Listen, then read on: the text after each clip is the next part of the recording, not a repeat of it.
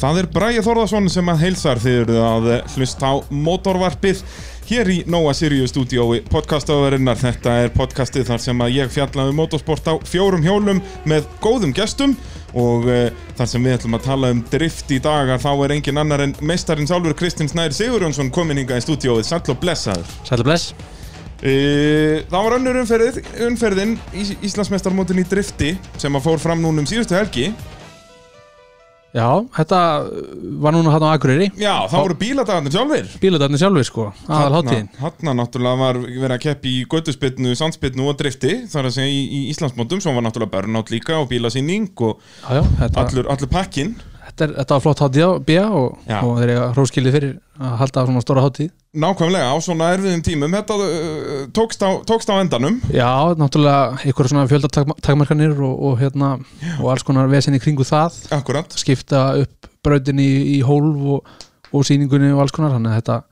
þetta hefur reynd eh, einstaklega mikið á þá sem er að halda þessu viðbyrði Já, ég get trúa því, ég get trúa því uh, Mótorvarpið að sjálfsögðu bóði AB varahluta bíla.sins, bíljöfur, stækjaflutninga Norðurlands og Ólís og eins og ég segi, þá ætlum við að fjalla hér um uh, fyrstu uh, aðra umferð af fjórum í driftinu og uh, já, þetta var veistla hvað, þetta voru 40 bílar skráðir en svo voru ykkur eitthvað 35 sem að keftu Já, það voru einhverju affell þarna Já, af bílum sem mætti ekki en, en hérna, já, 35 sem endaði að, að keppa sem er náttúrulega bara mikil bæting frá því, frá því í fyrstu kefni Já, það er tölu fylgun og, og Hvað er var þetta? Voru þetta ekki ykkur 24-5 í fyrstu? Jú, 25 í fyrstu sko en, en, hérna, en þetta hefur eiginlega alltaf verið svona að- að hérna, það hefur verið tölu fjölgun á bíladöfum Akkurat svona umfram, umfram hérna kefninar Og uh, Tinni, þú varst náttúrulega mættur norður Já, já, ég, Hva, Þú sem sko sérlegur fjölmeilamaður mótorvarp sem séða til já, ég var, ég var með sett að mítja skýrtinni þarna Já, sko, það þannig ekki, að- það jú, jú. er, þú ert bara alveg komin ólinn í þetta og leikana með þetta Já, já, og, og hvernig gekk svona keppnisald bara heilt yfir? Var þetta ekki bara gúr með? já, svona já, nei Ok, Það- hvað var svona hvað var bögg? sko, í rauninni var þannig að náttúrulega bara fyrst og fremst eila mannekla Já, og, og hérna og það, þetta dróst svolítið á langin þetta hefði alveg mátt ganga betur fyrir sig en, en hérna en þetta er náttúrulega bara fólk í sjálfbáða vinnu þarna og Já. svona, það er alltaf það er erfitt að fá endalist á mannskap já, vitandi það sko, ég, ég veit að eila manna besta það er, Já. það er vesinn að fá fólk í þetta sko þannig að, þannig að jú, miða við þann mann fylgd á fólk sem þau höfðu að, að þá, þá jú, bara fínt en, en, en ég sé það vantaði svona öllítið upp á skipulagi fannst mér. en eins og ég segi, með líka svona mikið að keppindum þá náttúrulega kannski gefur það að skilja að þetta hafi dreigð svolítið að langin Já, já, algjörlega og, og hérna og, og það er líka þetta sko að hérna að um, þegar það er, þegar það er svona mikið af, af hérna já, einmitt flokkum líka og, og, og, og svona barndugum milli manna þá hérna er mikið um þess að one more time ferðir sko og það er lengja keppnar til muna sko Já. þannig að og við vorum einmitt mikið að sjá þetta bara að, að ökumenn að sérst einhver gerði mistök og síðan næstu ferð þá gerði hinn bara líka mistök þannig að þurftu hvað sem er að fara þrið þú veist, þó að þeir Já. gáttu bara kert þetta í gegn skilur eða sérst sá sem gerði engin mistök í fyrirferðinni myndi bara kerið þetta safe akkurat að þá einhvern veginn var það líka þannig að, að, að þá voru þeir líka að gera mistök eða þannig í staðið fyrir svona keira hans örugara eða Já, þannig þetta var alveg alveg magnað, það var mikið um, um svona ottaferðir og, og hérna og það var ekkert að hjálpa þessu, Nei, þessum keppendafjölda hvenar byrjaði keppni? Var þetta á föstudaginu þegar ekki? Jú, að fyrstæðin Og var þetta bara hvað? Byrjaði í hádeginu eða byrjaði þetta setnipartin? Nú þetta var bara virku dagur eða? sko forkeppnin byrjaði þarna minni mig sko hún átt að byrja klukkan 12 ef ég mann rétt Já, þannig að þetta er ekki En- alveg byrjar ekki eldsnemma nei en hún byrjar ekki fyrir en 2 sko Já, þannig að hann er strax komin sko bara tveir tímar já akkurat En var sko þetta þá bara alveg út, út á miðnætti eða hvað tók þetta langan tíma? já við vorum til eitthvað rúmlega 10 held ég Já, um kvöldi þannig að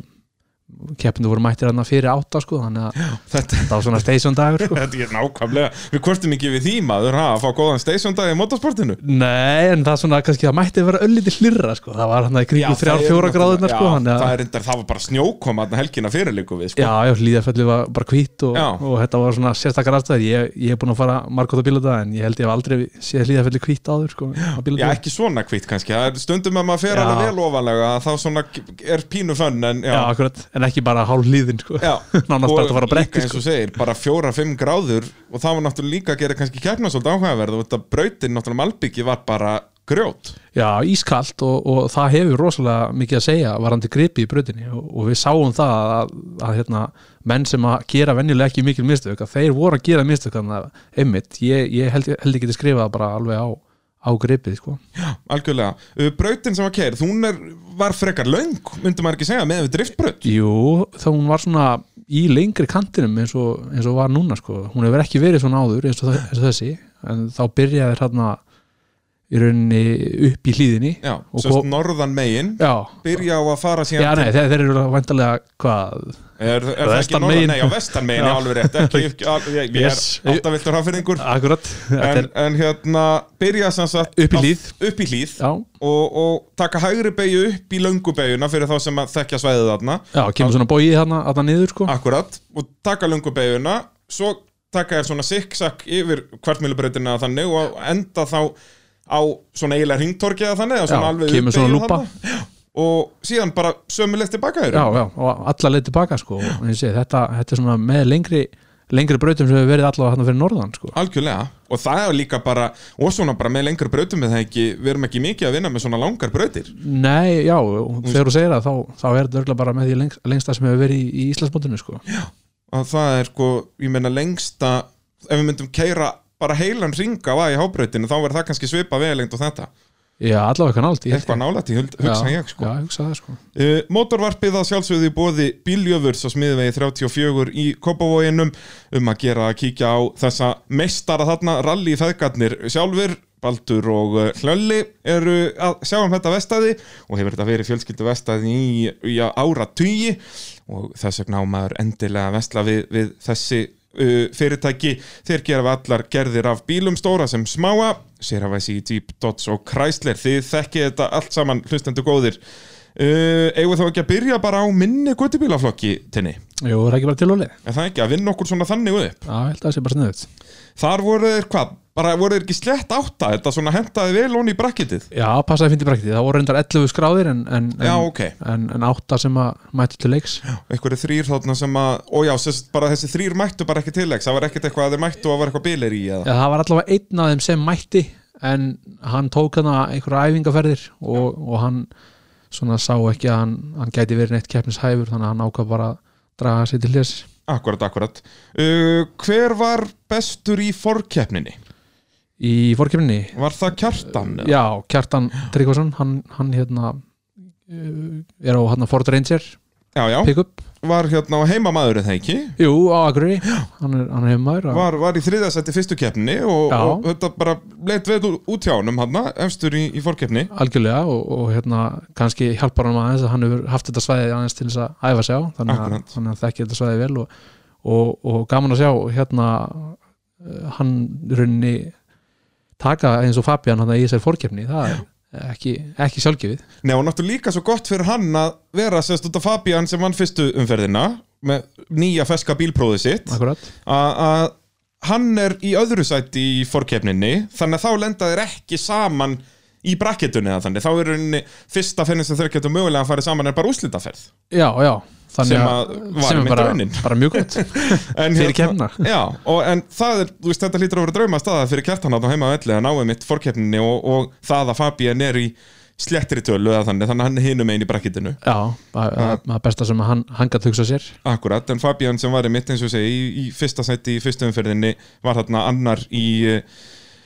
í fórkeppninni uh, Sindri Már sem var í öðru seti í fyrstu keppninni að hann var þriði í fórkeppninni eða ekki Jú, hann á þriði Já. og bara flott hjá honum og, og hérna bara má til með að hrósa honum fyrir það að hérna, hann er bara orginal bíl Já. alveg orginal bíl Hvernig bíl er þetta? Þetta er M3 BMF Já, þannig að það er nú alveg samt einhverju hestar þarna og svona en, Já, já, en en, samt er þetta bara leður og hugulegt já og ekki, engin hafbrið sá ekki neitt og, og hérna og það var ótrúlega gaman að fylgjast með honum því að ég ætla, ég ætla bara að taka eða bara strax fram að hérna, hann tók hérna hann að ringtorkið hann að lúpuna Já, hann tók það langflottast eiginlega af öllum keppendum já meira að segja, ég þó hann sé ekki með beigjukitt og Já, ekki neitt sko. eh, ekki neitt sko, ég held allavega ekki gæti verið með einhverja beigju kuppa eða eitthvað en Já, allavega bara ekki svona eitthvað neitt svona smá. kitt sko Nei, nei, en, en eins og ég bara af öllum keppendunum þá tók hann það flottast sko. þannig að þetta er svona, það er gaman að sjá hann gera þetta sko. Já, algjörlega. Uh, með svona standardbíl, þú segir að það sé ekki einu svona handbremsa og ekkert svo leis, eða sett ekki vökva handbremsa. Hvað er, hvað var það fyrsta sem þú myndir breyta? Væri það vökva handbremsa, eða væri það beigjukitt, eða Sko, meira afl, eða? Það er aldrei fyndið á nefninu þetta því við vorum akkur að, að ræða þetta um helgina að hérna, svona, hvað, hvaða breytinga væru bestar fyrst Mhm. sko, í dag þá myndi ég segja að fyrsta sem ég myndi gera væri bara körfustól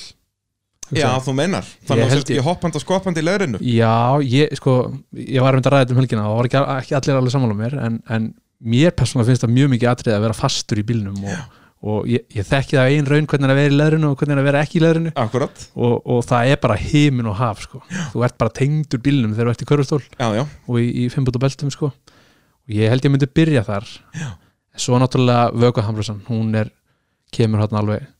fast á hæla stólsinn sko.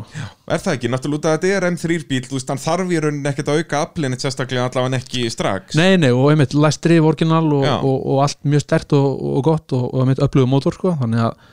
að að öðru leiti bara þokkalega klár sko. Akkurat, akkurat Þannig að, að hann var þarna í þriðjasætti í fórkeppninu og við förum bara yfir já, hvernig þá átta bíla úslitin fóru að þá lenda þarna, lendir kertan með Telmurut, Telmarut var sérst með slakast árangurinn í, í fórkeppninu þannig að þau lenda saman í, eh, í brakkitinu já, akkurat og það er kertan sem að vinnur það var þetta bara örugt hjá honum eða, eða hvernig var Telma að gera? Já, sko, þ- þetta snerturinn um það að, að hérna, Telma hún raunni hættir hérna eftir, eftir fórkefnina. Nú það er svoleiðis Já, þannig að þetta var bara staðfestingaferðan með kertani já, og rauninni var það þannig sko að, að eh, minni göttubillflokkurinn hann byrjaði að kera fórkefni mm en endaði sko í, í, sem sagt, eh, í brakkatinu. Já, í- í þannig að það var útlandinu, bara sko. alveg bara einhverju klukkutímar pása þarna á milli Já. alveg nokkrir, alveg fimm, sex já, já, bara tímar eða þetta bara já, rúli, rúli í meira sko. jafnvel. bæin og tilbaka líka Já, meira, já, meira ég bara, ég sé, þetta var, þetta var eitthvað, eitthvað mjög góð pása en allavega að hérna að uh, hún var búin að vera í einhvern smá vandræðamann með bílinn Já. og mér reynda grunar að þetta grip eh, vesen hafi líka verið að hrjá hana svolítið en það var hún þannig að hún hérna undistýrir hérna niður úr, úr, úr beginu hérna þessari löngu og, og fer hérna nartar aðeins hérna í eitt steipuklumpin sko sem er ah, hérna á ok, milli árandana og, og hérna akkurant þannig að En- hvað bara beigir þá felgu eða spinnu og nei, eitthvað, nei, eða? nei, nei, bara að bílinn slapp held ég svona, kannski bara rispa stuðurinn eða eitthvað svona dæmi sko, en, en, Akkurat. en hérna en uh, já, en eins og ég, hún bara slapp alveg og, og allt í góðu sko, ekkert, ekkert við sem með það Þann, en, en hún allavega tók það ákvörðin eftir það að hérna, hún allavega stíða til þér akkurat, akkurat, þannig að kertanurinn fer bara svona staðfestingaferð og er þá beint komin áfram í, í undanúslitin já, Svo er það Húbert uh, Dorosinski gegn uh, Birgi Jóhanni Uh, Húbert náttúrulega var þarna í fjórðasætti fyrstu umferðinni, já, bróðir uh, Fabians bróðið Fabians uh, og það er Húbert sem að vinnur þetta einví þannig að Já. hann fer að keppa við, við kjartan í, í undanáttlítunum hvernig, uh, manstu eitthvað eftir hérna eksternum á þeim þarna eða voru þetta, voru þeir tæpir bara eða já, ég man nú eftir þessu og, og hérna og það var nú ekki þannig að Húbert hafi nú eftir, tekið þetta með einhvern viðbyrjum sko Nei, enda en, eins og í fórkeppnu voru þeir í fjórða og fintasæti, þetta var bara evenly match eða Já, þannig, sko. akkurat, ég hérna, byggi að að kera flott og ég man ekki hvort þetta sé önnur keppnans eða fyrsta ég, Hann allan að kefta ekki í fyrstu, það er eina sem ég veit nei, hvort hann hafi keft kannski einu sinna bíladöfum eða eitthvað áður, Já, eitthvað eitthvað, eitthvað svoleiðis. svoleið sko. hann, er, hann er hérna að norðan sko. en allavega er þetta, er þetta með, með fyrstu keppninu hans, ef ekki svo fyrsta og hérna, hann kerði bara mjög flott sko, miða við, miðað við það og hann þurfti alveg að hafa fyrir í Húbert að- að að ná hann út sko. Akkurat, akkurat þannig að það eru gaman að fylgjast með Birgi gera og Já, það var Vonandi vonandi bara- að fara að mæta meira já, vonandi að hann komið sögur og, og, og sína, sína hvað hann getur Akkurat, akkurat. Svo er það þriðju áttabíla úslitin og það er það segjuverum frá því í fyrstu umferðinni, Fabian Dorasinski sem að keppti við Skúla Ragnarsson. já, Skúli náttúrulega, hann hefur verið að keppa, náttúrulega er mikil kempa í þessu en hefur ekkert verið að keppa neitt svakalega mikið. Nei, hann er svona kemur svona á og til Já, Uh, hann náttúrulega var eignast batn og svona og þetta og eitthvað íbúðabröld og svona þannig að já maður bara skilur svo, svona alls konar svona vitt. sko, alls konar svona vitt hérna. Já, maður á að vera í mótorsporti Mótosport, halló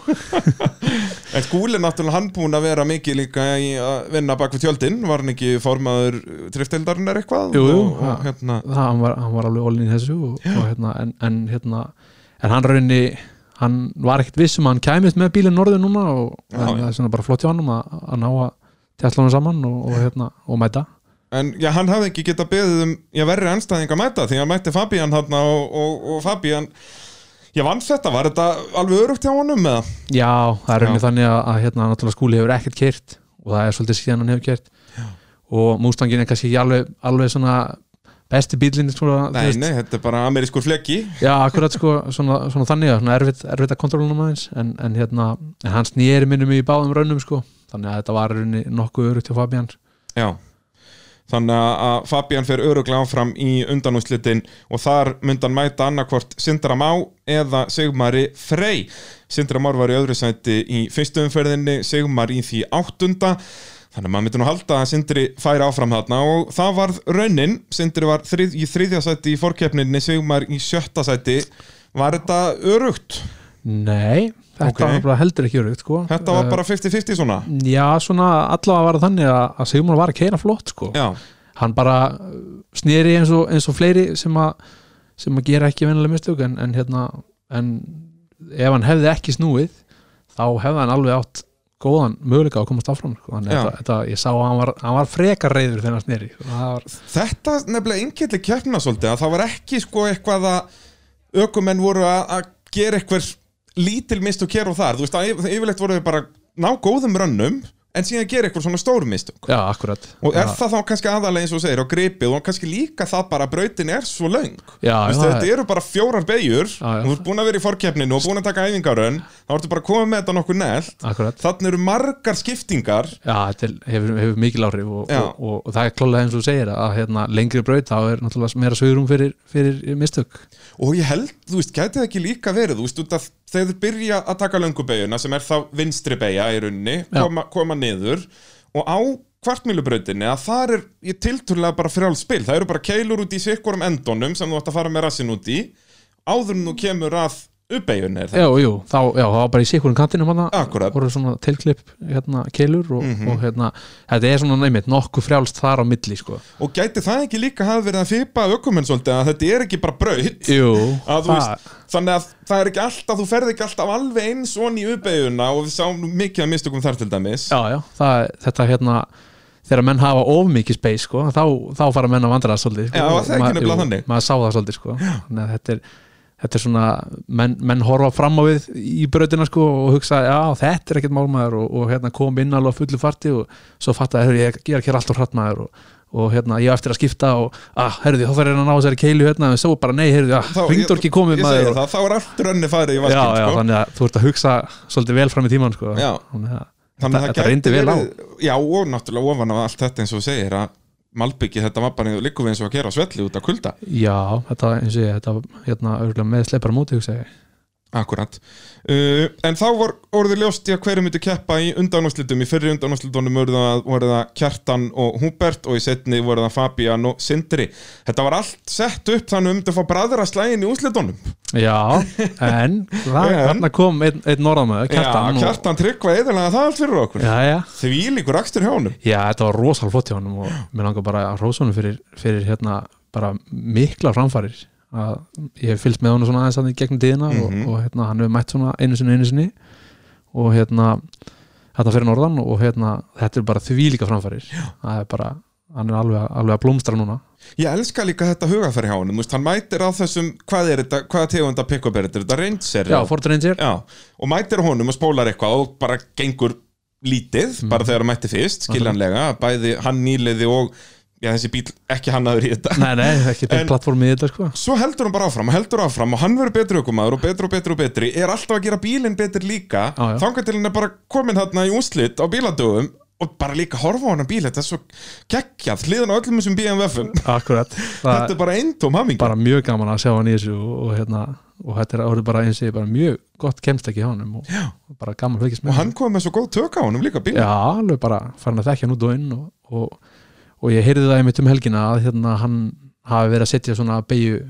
kitt í, í, Já. þennan- í þennan reytir úr Mustang sko. ok, þannig að, að hérna, menn er ekkert að það er ekkert vandræðast verið, með nei þetta ég segi það og hann náttúrulega líka fer að vera búinn með kvótan í, í þessum flokki þannig að hann er bara undirbúið sig fyrir kvotibílaflokkin já, já, hann þarf að, ef hann ætlar að ná að vera meistari þá þarf hann að drífa sig nákvæmlega, nákvæmlega. þannig að Hubert fekk ekki tækifæri til að keppa að bróðu sinn, kannski var hann bara sáttur með það þar sem að það fór nú ekki vel síðast þegar endur keftu saman, Mm. þá var það litli bróður sem er askeldi stóra bróður já, En uh, það var þá Fabian og Sindri Már sem að keftu í setni undanúslutunum uh, Sindri eins og ég segi var þarna í öðru sæti í fyrstu keppni og Fabian í fyrsta þannig að þarna voru ef maður horfður úrslutin í fyrstu keppni, tveir bestu ökumennir að mætast í undanúslutum já, þannig að já, þetta var svona eitt, eitt stærsta rönnið í keppni já, þetta var svona, svona mest spennandi myndi ég segja að, að hérna, sjá hvað hvað Sindri myndi, hvort hann myndi ná að að gera eitthvað á móti Fabian akkurat, akkurat og var hann að hanga alveg í honum? Já, þetta, eins og ég segja hérna, Sindri var að keira mjög flott hérna, þennan dag og, og, hérna, og eins og ég, ef hann myndi bara útbúa hann að bíla ölliti betur sko, þá væri hann bara ekki, ekki langt frá Fabian og, og, og, jafnvel bara á undan honum sko. Akkurat, akkurat, bara körðustóðl og handbremsa, málið stendur Já, ég ætla bara að hvetja hann til þess og, og hérna, það er náttúrulega hægt að skrúa þetta allt úr og í og Já, þetta er svona, þetta er lett mót sko, þannig að, þannig að ef hann hefur tökuð því að græða þá bara endilega það er um að gera eins og þú segir að að á bónstandard M3 er að að vera að keppa náttúrulega bílinu Fabian það er komið áttasínlendri í hann og, og eitthvað líf á fjöri það ekki Jú, það er komin hérna Vafata sem sagt, BMF motor og, og hérna og einhver fín fjöðurinn og svona þannig að, þannig að þetta er svona, já, svolítið, svolítið breytið bíl akkurat, akkurat, Uh, þannig að það var Fabian sem að vann þetta einvíi, þannig að úslita einvíið í minni guttibílafloknum var Kjartan Tryggvason gegn Fabian Dorosinski og uh, já, það var Fabian hinn 17 ára gamli sem að vann uh, aðra keppni í röð Já, þetta er svona eins og vorum að segja hérna áðan með að fyrirfram hefðum að haldið að, að mest spennandi raunin væri Fabian og Sindri já, en, já, en þetta var í rauninni mest spennandi eh, raunin líka úslitin að þú veist meiri pressa og svona Já, og það líka bara munaði svo litla á milli þeirra að, að hérna, þetta var ekkit þetta var alls ekki skýrt og, og, og náttúrulega úslitin ekkit kynnt fyrir, en- fyrir henni eftir keppna já, þannig að það voru þannig að allir það bara þurft að býða hann til hálf 11 eða eitthvað Nei, reyndar, reyndar að því að minningutubíla voru síðast að þá, hérna, Já, já. þá þurftu ekki að bíða mjög lengi en, en, hérna, en allavega að hérna, það var ekkit, ekkit vita hvað, hvor hefði tekið þetta þetta munaði það litlu Akkurat, akkurat mjög bara, bara mjög flottir báðu tver En þetta náttúrulega því að það að Fabian er komin í mjög góða stöðu í Íslandsmótinu Tveir sigrar og tveimur keppnum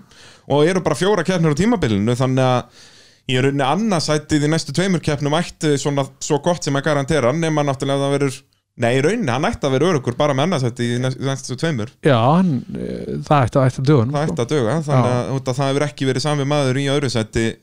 semst í fyrstu tveimur þannig Nei. að- að bara ef hann kemst í úslita sem eftir er að þá, þá er hann komin með, með titil og bara ég get ekki hægt að lofa þessum dreng ég bara, þetta er alveg magnað afreg Já og, og, og líka svo mætir hann það í börnáttið hana sérst, á sunnudeginum, ja, nei, lögudeginum og, og hérna og það er svona eitthvað nýtt hann á bíladöfum það sem að er svona burnout box eða svoleiðis að þá er hann alveg sett, rétt, já settur upp svona steipur svona kassi sko og menn eiga að spóla inn í honum já. menn ráða því hvort að, hvort að þessi húka er í keðju eða, eða hvort þeir spólu bara ringi og vesinast eitthvað mm að hann mætir hérna á þessum, þessum BMF og, og í börnandi og,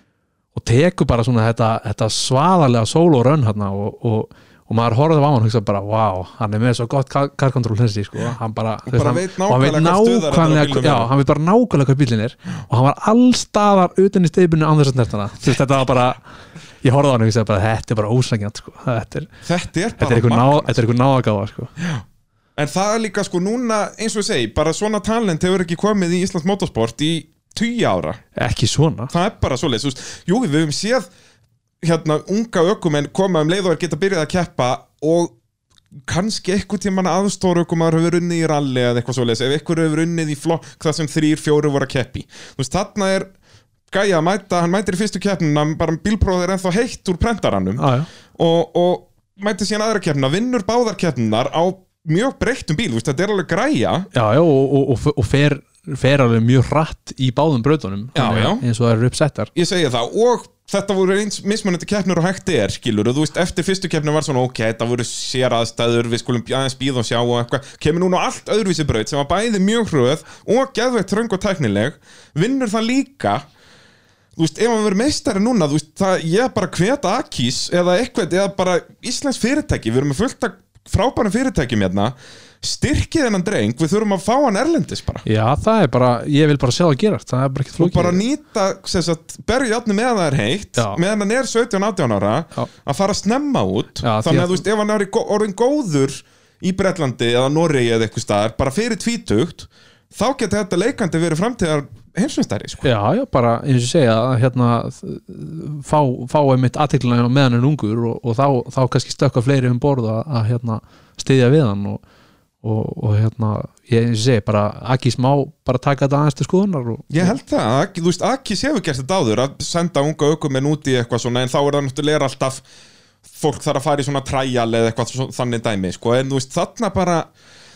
ég veit að það er aldrei samkjant ef Akis, mun- ef Akis myndi koma núna og segja, heyrðu Fabian, við ætlum að borga hérna fyrir því hérna einhverja hundra ásum kalla og þú ætlar að gera þetta og þetta, þetta, þú veist, þá horfa allir hinnir 17, 18, 19 ára guttanir að býta af hverju fann ég þetta ekki, skiluru, Já, þú veist, já. það er alltaf erfitt ef Akis sjálf gera þetta, en Já, þá þegar- kannski frekar bara einhver fyrirtæki eða eitthvað svona að- að- og Akis getur verið svona innan handar Já, eitthvað það sem ég er myndið meira um að pæla sko er að, er að kannski að Aki sem er eitthvað svona tengiliður og, og væri kannski meira svona með verkefnið sko Akkurat, akkurat en, uh, kannski ekki endilega með einhver fjárframlög eða- eða svoleiðis en, en allavega myndið sjá um einhverja vinnu í, í að hjálpa honum að Já, ég segi það, að skrá sig í þetta og þetta og þetta eða og hvað alls það konar, heitir sko. einmitt, alls konar svona, svona vinna á baku tjöldin Þa, það væri mjög flott En þetta er náttúrulega, þú veist, Fabian er nú ekkit orðinmeistari við þurfum að halda hestunum okkar en, en ég meina samt, þó hann missi titil núna ef hann verður í, þú veist, fjóruða, fymta sent í síðustu keppnunum, ég meina hann er samt búin að samna sér helvítið vel, sko Já, þetta er, eins og segja, þetta er öflugur bíl og, og hérna og með að við hvernig hann er að höndla þennan bíla þá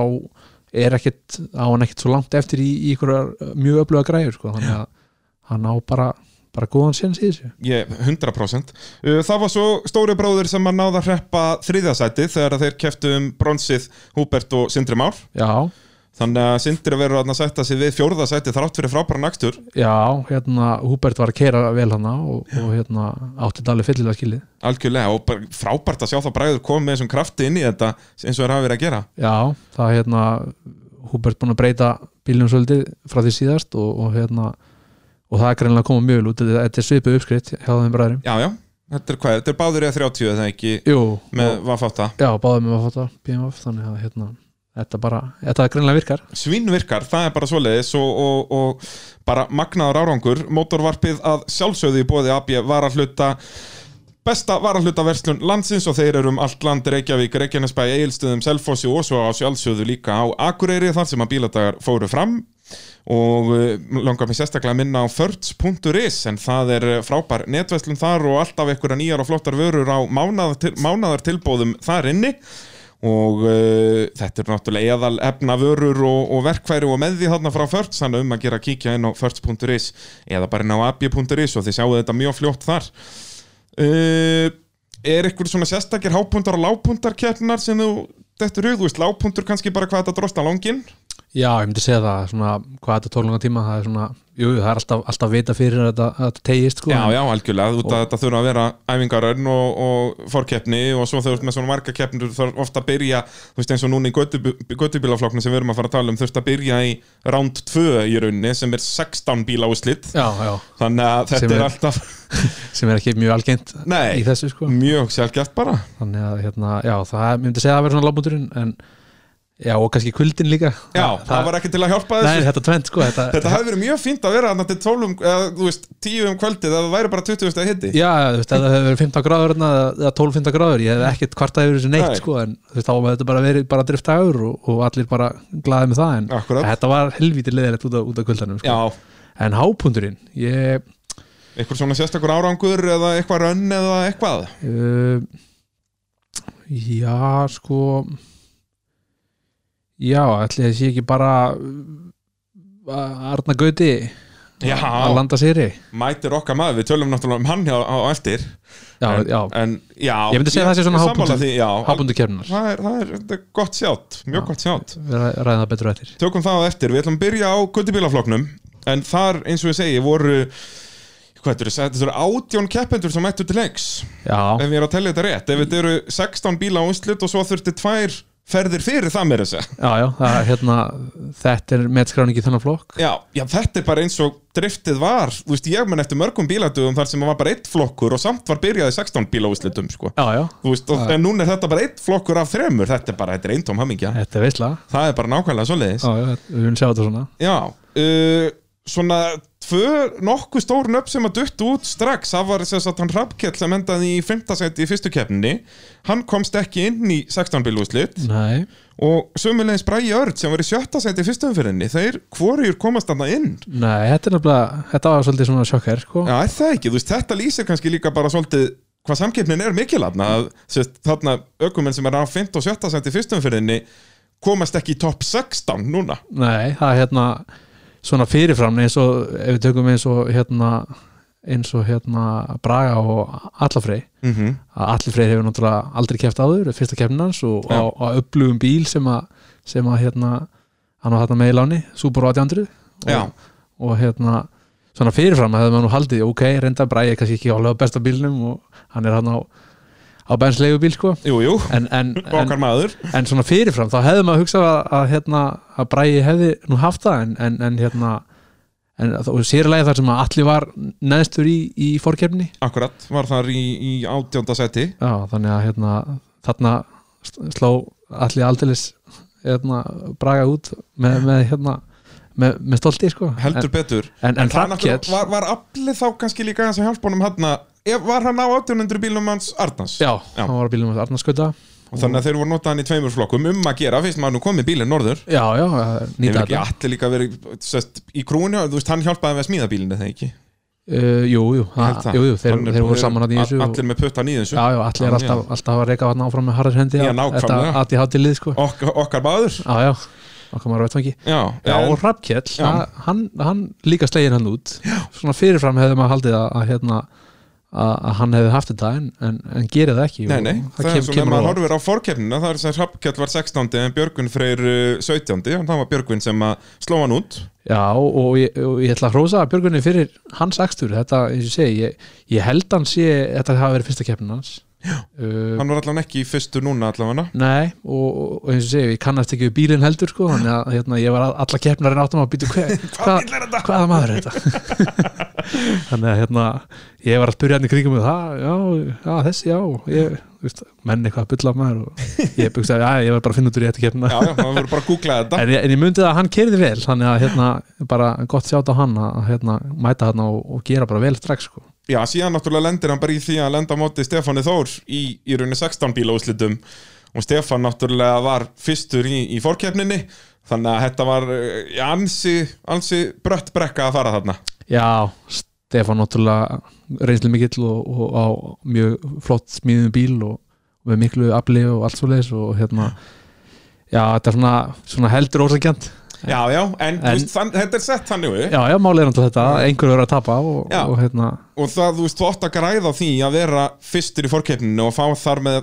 þann ökumenn sem náði lélegast árangri í fórkeppninu á mótið þér Já. þannig að, að það er bara frábært hjá Stefáni að náða þarna besta árangrinum og fá þá Björgvin á mótið sér þarna í 16 bílúslitum bara, bara, bara hérna, eins og ég, bara mjög gott hjá, hjá Stefáni líka að ná þarna fyrsta sætinu í, í undakefni Akkurat, akkurat og, og Stefán þá kominn upp í átta bíla úslit fyrir að slá hann Björgvinni úr svo í 16 bíla úslitun var það eh, Kristinn Kjartansson og Jökull Ímir og var það Jökull sem að sló Kristinni út Já, það fór svo leis það og fór svoleiðis, á hvaða bíl er Jökull? herri, Jökull er á svona foxbóti, foxbóti í Mustang, Já forláta Já, það er að mínum að til ljótasti Mustang sem hefur verið framleittur Já, og, og fleiri og fleiri,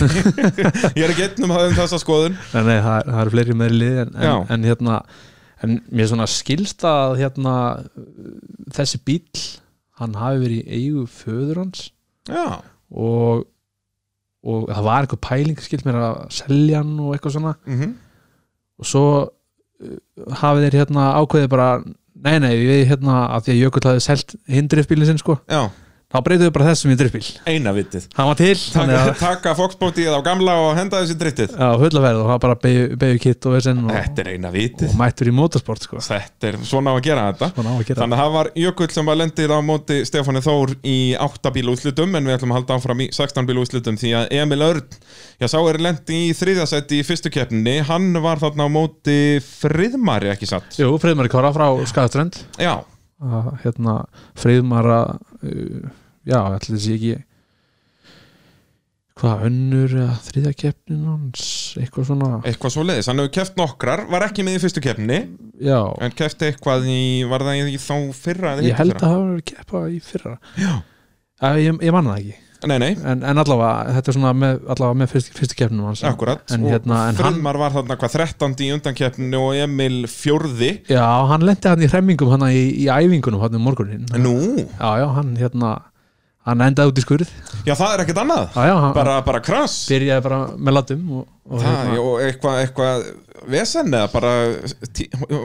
ít- ít honum upp úr skurðunum og allt í góðu Já, hann þurfti bara eitthvað að tósa hans í hann þarna. ég, hann, hann, hann hérna fór að vega salt hérna á, á kantinum sko. Þannig að hérna, ég veit ekki hvort að botnin hafi eitthvað eitthva hröflast við þetta sko, en, en, en allavega virðist hafa svona- sloppið sko. Já, öll dekk á sínum stað allavega Já, já, Já, Þannig að hann það er gat- nú fyrir öllu gætt keirt áfram En uh, það var Emil Örd sem að vann uh, þessa, þessa rimmu þeirra í áttabíl úrslutum þarna en það eins og ég segi, Emil var flottur í fyrstu keppnu og, og held í áfram þarna Já, já, reynslu mikill orðin og, og hérna bara flottur akstur hjá Emil Já, og það var svo ljóst að hann myndi mæta annarkvort Guðlegi Birki eða Kristni Arnari í, uh, í Áttaliðaúrslitum. áttaliðuslutum og uh, já, Guðlegur náttúrulega endaði hann í áttundasendi í fyrstu umferðinni en það var Kristinn sem að vann þá rimmu Já, Guðlur var hérna gekk ekki alveg nú vel hann í fyrstu keppni það var, það var bleita og, og nýsmiðaði bíl og, og mikið afl og eitthvað svona sem að var ekki áður Akkurat, Og- hvað og er hérna- á hvernig bíl er Guðlegur? Herru, hann er á svona BMF 136, það er Já. þristur og kom með turbinu og, og hérna gulur, gulur bíl, það er held ég hvað, einn af tveimur eða eitthvað hérna heima, svona gulum. Já, það ekki, það er einn í opnaði það ekki allavega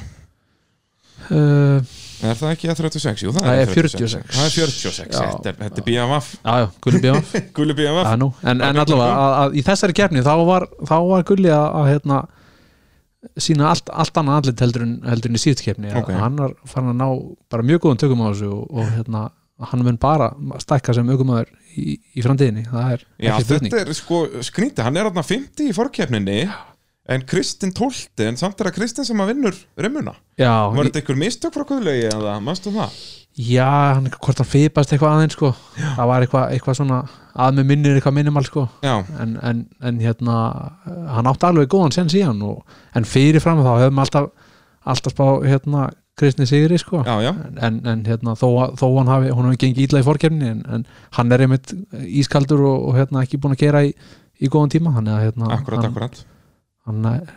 tók þetta á reynslunni vantilega Akkurat, Kristinn Arnar eh, komin þá upp í átta bíla úslit og kefti þar við Emil Örn Eh, Þá er kannski komið að bara á svona stóru frettunum hann í þessum flokki Það var, já, næsta rimma í 16 bíla úslitum Ómar Ingi sem var næst bestur í uh, fórkefninni að keppa með Atla Freyr sem var lakastur í fórkefninni Já, Og hver vann þar? það var allir fyrir Þetta er alveg magnað Þetta, þetta verður að teljast svona alveg magnað Það er bara, hann þurfti ekki marga ferði til að venja spilnum Nei, það er svona spurning hvort hann hafi verið að reyna þetta, ég veit það ekki Já, en- spurning, að hann hafi verið að bara, Bara- að kveldskýta í fórkefninni Já, hvort hann hafi verið eitthvað svona eitthvað, eitthvað að stríða mönnum, sko Gæti verið, gæti verið, Mm. en náttúrulega þessi bíl svinnvirkaði eins og við sáum nú líka alveg í opnafloknum Já, og, og vantarlega já, að hjálpa honum hann alveg að afleið í, í löngubæjónum en þessi bílar náttúrulega í göttibílafloknum er allir, þeir eru allir orðnum í apniklir já, já og, og eða svona flestir, sko og, Já. og hérna, er eins og með, með þennan súboru, sko að, að þetta er nú ekkit beint besta, kannski, bóti í þetta, sko en, Nei, nei, að, það er alveg dásamlegt að fylgast með þessu apparati samt, þetta er indislegt hérna- Já, ég man ekki, ég var að tala við Arnar um þetta, ég man ekki hvað það var eitthvað pægir og hérna, afturfjöðurinn í honum Mér eða- minni það, þessi pæjur og hásing Já, nei, já, já, nei, nei. sjálfstæði þeim Já, eitthvað pægir og biti sko Já. eða eitthvað svona Þetta er eitthvað, þetta er eitthvað dásamlegt Já, Þannig og- að hann og líka, líka bara hvernig stansið á honum er Þetta er alveg fa- yndislegt að horfa á þetta Já, akkurat, og, og, og hann er svona heldur mjúkur aftan, það er svona aðeins háru aftan og mjúkur sko, þannig að það er ekki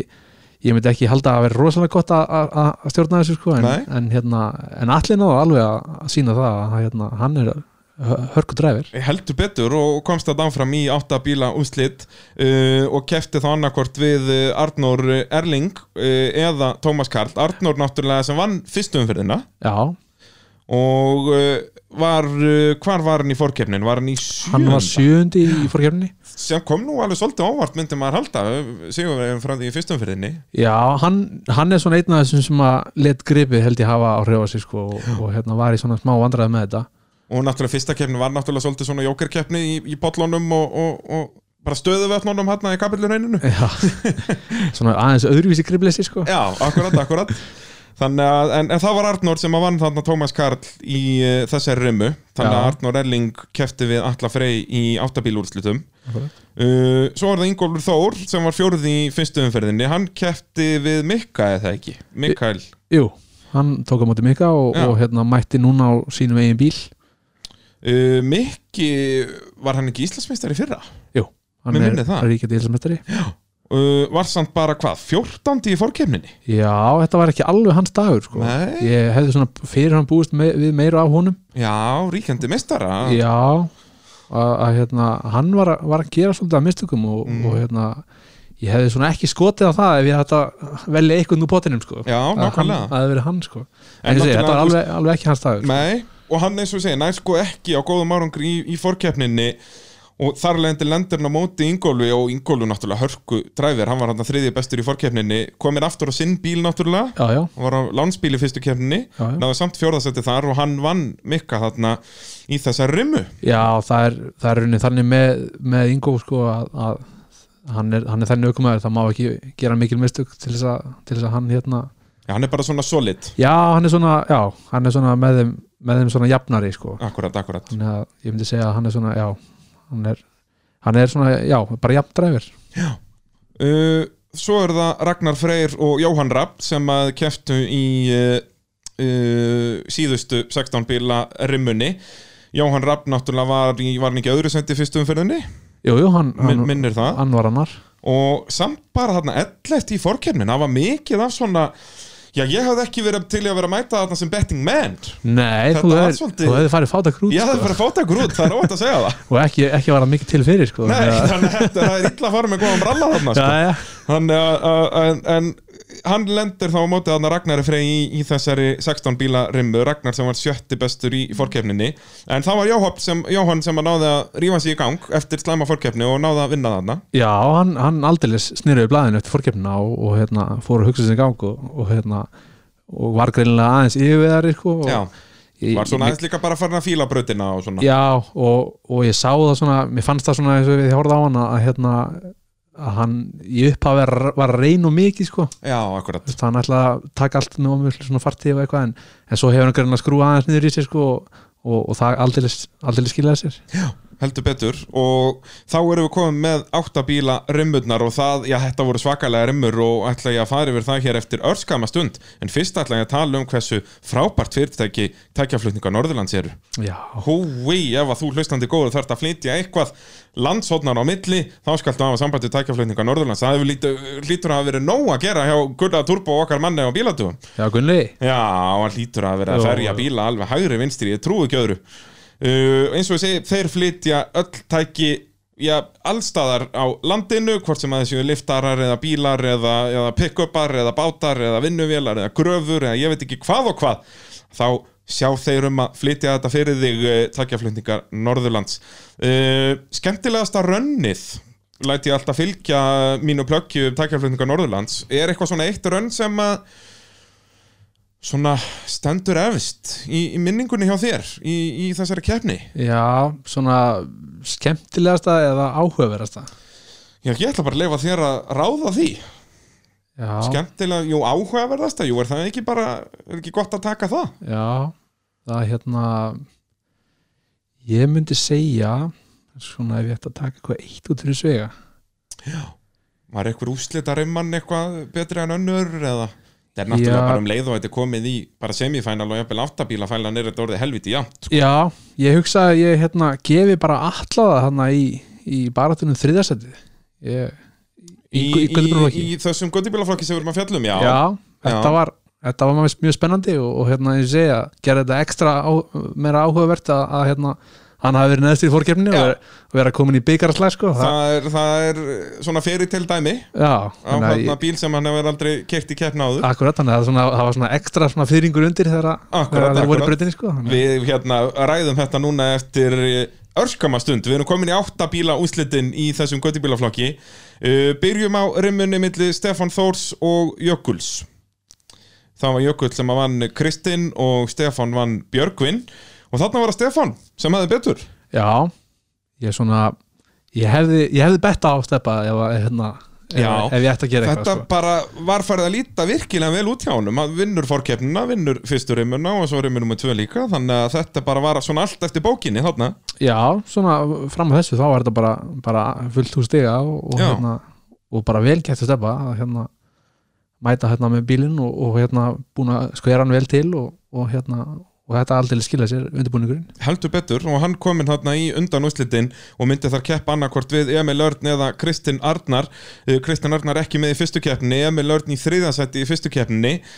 Emil Örn fjórði í undan keppninni Kristinn tólti þannig að þarna hafði Bralli rifið upp veskið og skellt pening á Emil Já,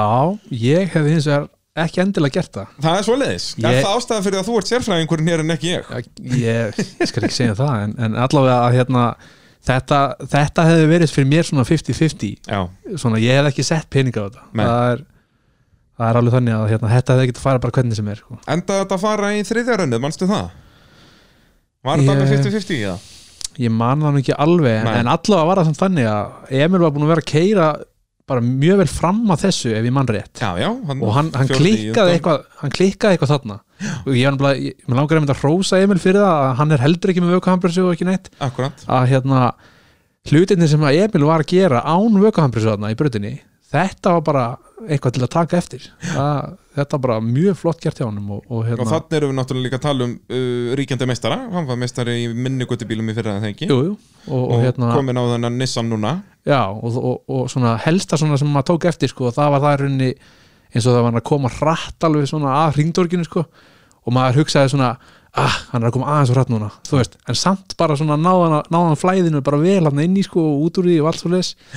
og maður hugsaði, þarna þarf hann brössu, þarna þarf hann brössu Já. og allt þetta sko, en hann bara leist þetta vel og að, svona fram að þessu sko Akkurat, Ól segur þarna en uh, já, var það, uh, já þessi segir að hann gegn Kristnið þarna og það er Kristinn Arnar sem að komst áfram í uh, undanúslitin gegn Stefáni Þór já, flottu kitta að hérna koma svona undan vetri og, og hérna taka þetta svona með stæl hana og, Ól segur bara, já, já, Það já, er- Kitty var að kera bara, bara mjög vel það er bara, hann má alveg eiga það óhætt að segja það uh, þá er það næsta ennvíi Atli Freyr og Arnór Erling Arnór uh, eins og ég segi vann fyrstu umferðina Atli Freyr var slakastur í undankeppnin en við erum náttúrulega búin að gefa þú út að hann vann þennan uh, þetta, já þessa rimmu þar sem að Já. við vorum að segja áðan að hann komst í byggarallag já, akkurat, þetta er náttúrulega alveg magnað að mæta þarna á Super 800 já, fyrsta kefnin fyrsta keppnin og vinnur gæjan sem að vann fyrstu keppnina já, þetta er bara, þetta er, þetta er eins og góð líðasa það er bara nákvæmlega svo leiðis já, eins og ég, Arnór, Arnór var eitthvað ég veit ekki hvað það það hefur verið samblandað einhverju stressi og, og eitthvað svona einhverjar, alls konar aðstæður sem að hafa farið í, í hérna, í einhverja katastrófuna hjá honum sko. en hann snýri minnum í, í báðum raunnum Já, það er alveg bara, hann hefur farið Já, tvö mistök Já, það, eins og segi, það bara gerir útslæði sko. Og en allir kerði svona ok, það, ef ég man rétt þarna var þetta ekki eitthvað svona fallegur raunin hans sko, en, Nei, nei. en, en nóg til þess að Bara stólaði á, á mistök frá, frá hinnum já, hann, hann að- spilaði þetta svona svolítið safe þarna sko, þannig að hérna Og kannski þá sérstaklega setnarunnið búin að sjá, sjá hann gera mistök í, í fyrrarunni já, þannig að þá- þá er mitt veistu sko, að þú Það vart, bara eins og segja, ef ég held bara ef ég slæta aðeins hér og hér og hér þá er ég fín já, akkurat sko, þú vart bara að nartaði nokkuð stið sko, og Nákvæmlega, þá var þetta nákvæmlega, komið, sko, ekki snert ennina stikur og ekki snúast og máli dött að bingo, Það er nákvæmlega svoleiðis, þannig að það er allir freyr á Sobarónu sem komst í undan, uh, undan úslitinn og þar myndan keppa annars vegar eh, í annarkvort við Jóhann Rappn eða Ingo uh, Þetta er náttúrulega svakalega rimma og þetta sýnir líka bara hvað slagurinn í driftinu orðin svakalegur núna að sest, átta bíla úslitin hann eru bara, þetta er allt 50-50 dæmi já, þetta er æsi spennandi og, og, og þannig er annað svona dæmi það sem þú vilt ekki setja peningur til sko, Akkurat, þetta akkurat. bara getur farið á hvaða veg sem er Já, uh, Jóhann Rapp var þarna í öðru sent í fyrstu umferðinni, Ingo í fjórða uh, Ingo vissulega búin að standa sig aðeins betur svona framan á degi, var framar í, í forkeppninni, þeir báður búin að vinna sikkur rimmuna En þarna var hann Jóhann Já. sem að vann Jói, Jói tekur hann og hérna og vinnur hann þarna í þessu innví og, og gerir þetta bara, bara mjög vel Þa, hann er hann er svona hvað ég að segja, hann er svona eiginlega sá aukumöður sem er svona fer svona hraðast vaksandi fyrst mér Já, það er svona frá, frá byrjunarpunkti Það- Já hann er einhvern veginn sko, ég náttúrulega fekk hann hérna, fekk þá liðsfæðalana til mín í Jólátt Racing í, í vor já, og mér finnst hann einhvern veginn verið að gera þetta allt svo rétt sko. hann, þú veist, síðasta tíðanbíl þá mætir hann og bara það er ennþá heitar suður í bílnum út um allt bara, hann var nýbúin að klára smíðan og síðan er hann bara svona að klára betur um bæta hann allt síðasta tíðanbíl Já. núna mætir hann með hann bara, er hann ekkert búin að breyta honum þannig séð, Nei, nei. bara ætlar hann halda áfram að læra hefði geta farið í, strax í opnaflokkin en vildi fyrst ná aðeins meira æfingu í þessu og er bara að standa sér feiki vel já og ég vonandi að fara hann í, fer hann í opnaflokkin næstari út af ég held að hann verið helviti skeður þar Já, já, þeir eru alltaf stríðunum hann að strákarnir á þessu að, að hérna að það verður nú að fara að mæta turbínu einu bíl sko, Já. þetta, þetta gengur ekki að hafa þetta svona Já, þetta er hálfa andlust eitthvað Já, það er náttúrulega turbín og þá náttúrulega þarf svolítið að fara að læra að gera þetta upp á nýtt, sko. Já, já, en, en þetta er bara eitthvað svona eitthvað húmur hann að þeirra já, milli já, sko löflétt grín því að þeim, eh, Já, já. Ólátt Racing, löðrandi léttir af bárunni þarna. Já, já, En uh, þá var ljóst að í undanúslutum myndu mætast Stefan Þór og Kristinn Arnar annars vegar og svo Atli Freyr og Jóhann Rapp hins vegar. Uh, byrjum á Stefani Þór og Kristni. Uh, Stefan, eins og þessi, vorum að tala um áðan, bara dagurinn búin að vera fullkominu með fullt og stega í, í Íslandsmótinu þanga til, var fyrstir fórgefninni, búin að vinna tvær eh, rimmur eða tvö rönn. Uh, Kristinn Arnar var hann að tólt í fórkeppninni, vissulega búin að vinna síðan uh, tvörun síðan en já, þarna datt Stefán Þóru leik, já, hvað gerðist þarna? sko ég, ég ætla að viðurkynna það að hérna, þetta var frekar laungefni og, Já. og mikið af alls konar one more time og alls konar flækjur og krúsitulur sko að ég man nú ekki alveg allt sko Nei, en, en ég man bara að, að hérna að Kitty var að svinkeira sko. það er það sem ég man Já. og, og hérna og þetta hefur verið bara bara 50-50 þarna, bara jámt Eða já, svona, Þetta voru ekki mistök frá Stefáni allavega eða eitthvað svo leiðis nei, ekki svona ekki eins og með minnir mér minnir Nei. að hún hafi verið að keira bara þarna bara allt í lægi sko. Akkurat, en, en ég ætla ekki að fullera það en, en, Nei, nei. En, en allavega hérna, Bara geggja hjá Kitta já, bara flott hjá honum að, að, hérna, að taka stef, stefu út því að, því að hérna, það er bara alls ekki, alls ekki sjálfgefið og, og Kristinn þá kominn þarna í úslitin Stefán verið að senda sig við að fara að berjast um, um, silf, eh, um, um bronsið, Um bronsið. Uh, og uh, ég þar myndi hann annarkvort mæta Alla Frey eða Jóhanni Rappn og, og þeir þannig Alli Freyr og Jóhann að berjast um að komist í úslitin gegn uh, Kristni já. og þar var að Jóhann Rapp sem að já, loksins batt enda á Sigurgöngu ætla þarna eftir bara feri teil ævintýri þarna hjá honum Já, þetta hérna svona þarna fyrir, fyrir þessa rimmu þá maður fann að spyrja spurningar sko, býtu, ha, er, fer hann bara að fara alla leið er þetta að gerast eða hvað hérna, hvað endar þetta eiginlega Já, nákvæmlega, nákvæmlega þannig að en það, en þetta endaði allavega þarna hjá honum varandi að að halda áfram sko, en, en hérna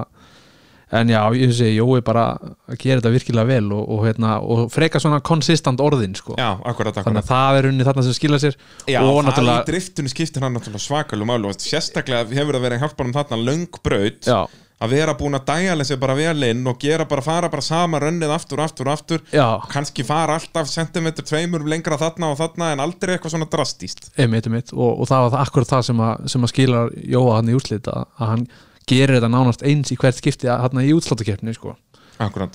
Þannig að- og, og slæðir alla þarna út þannig að þeir fara að berjast um bromsið, bromsið Stefan Þór og Atli Freyr og þú veist, þetta er að skrikna sem við vitum Stefan Þór er með einn fyrir fram að nafni sitt, þannig sem hann var efstur í, í fórkefninni, Atli Freyr er númer- númer átján og hann var lélegastur og þeir eru að berjast um byggar þarna ja, þetta er, þetta er absúrt Þetta dæmi er sko. bara, ég, ég, ég bara minnist ekki að hafa séð neitt þessu líkt í drifti sko. ekki í driftunum Þú nei. veist, líka með svona mikið að keppindu þú veist, að það að standa sig illa í fórkefninni það er að vera svona kannski tíundi akkurat en að vera í síðasta sæti af átján bílum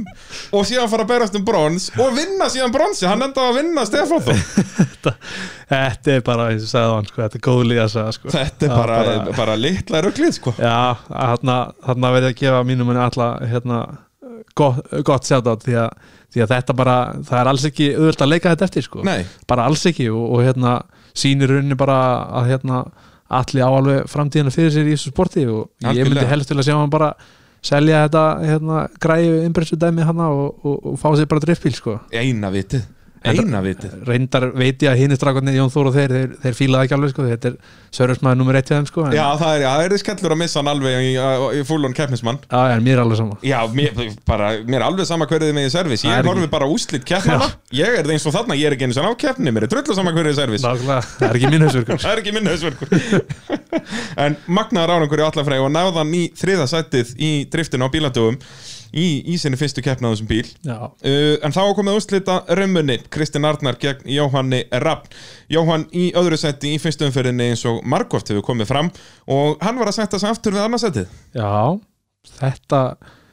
svona þarna á þessum tímabúti þá hugsaði ég, ok, nú er Jóa að fara að taka þetta Já, það er svona bara með, með fullu respekt fyrir, fyrir Kitta sko að, að, hérna, að þarna hugsaði ég bara ok, þú veist Kitti er að koma svona undan vetri og eitthvað og Jói er búin að vera að keira og keira og keira og, og þetta svona mér fannst svona eins og þetta lægi svolítið fyrir Jóa sko Já það er bara svona einhvern veginn lág í loftinu Já, eins og segja, hann var búin að vera alveg konsistandi yfir daginn og eitthvað og ég sagði, "Ah, ok, Jói keiri bara sitt og, og hérna og, og, og eflaust hefur þetta svona, bara svona skotið til lotið sko en, en, en, hérna, en það var aldrei ekki þannig Nei, það var bara kitti sem að, sem að hérna, setur enn einu sinni hérna, veðbankana alveg á Já, hliðina heldur betur, það er bara allir vassar dómir hjá, hjá, hjá mér sko, þetta er alveg agalegt Já, En hérna, magnaður árangur hjá honum og sérstaklega eins og þarna að vera að, vinna, að keppa við Jóhann Þú veist, þetta hlýtur að vera alveg agalegt í driftun að vita að þú ert að fara að keppa þarna við mann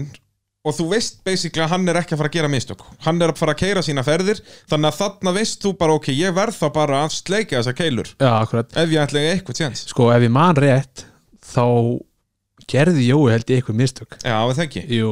hann er Nei. ekki alveg gerður úr gull eins og við erum að segja nei, hann er gerður greinlega úr silfri Hann er úr sko. silfri Já, Dang, dang, dang, dang, dang, dang. Þessi var segur já, já, En uh, það er svo sannarlega rétt í aður Hann er búin að fá tva- uh, tvent silfur já að að, hérna, já, svona ef ég mann rétt þá, hérna, þá var eitthvað eitthvað brasa á hann hann í útlaferðunum þannig, að- þannig að Kitty,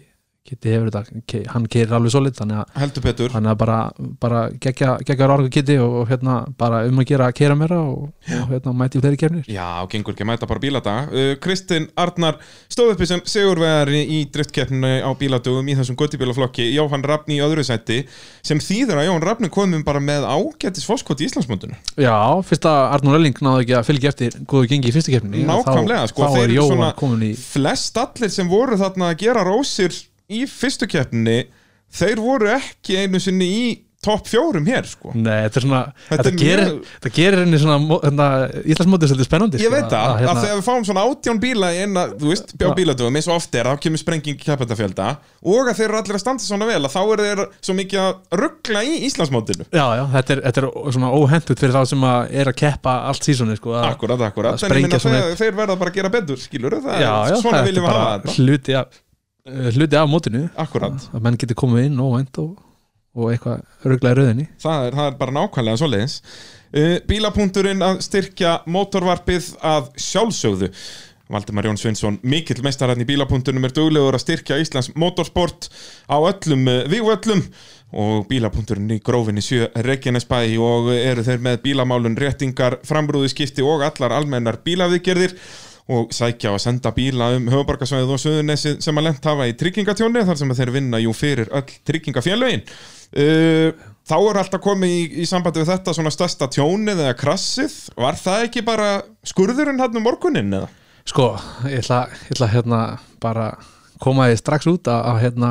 það voru fjórir sem fóru í skurðin Já það er ekkert annað, Já, menn voru duglegir í þessu já það, sko, ég held að Gundi skurður hefði skráð sér sko, Já, en, það- en hann var greinlega ekki á listanum sko, þannig Nei, að- það, en hann hefur verið eitthvað, hann var að influensast eitthvað þarna. Já, líklega eitthvað þarna hann Instagramar sko. sko hann, hann er náttúrulega orðinn influencer, megum ekki glemma því Nei, nei, en, en, en hann var ekki skráður en, Nei. en það voru, það voru fjóru aðrir sem fóru í skurðin Það voru fjórir aðdándur hann sem mættu þarna Já, já, þeir lekan eftir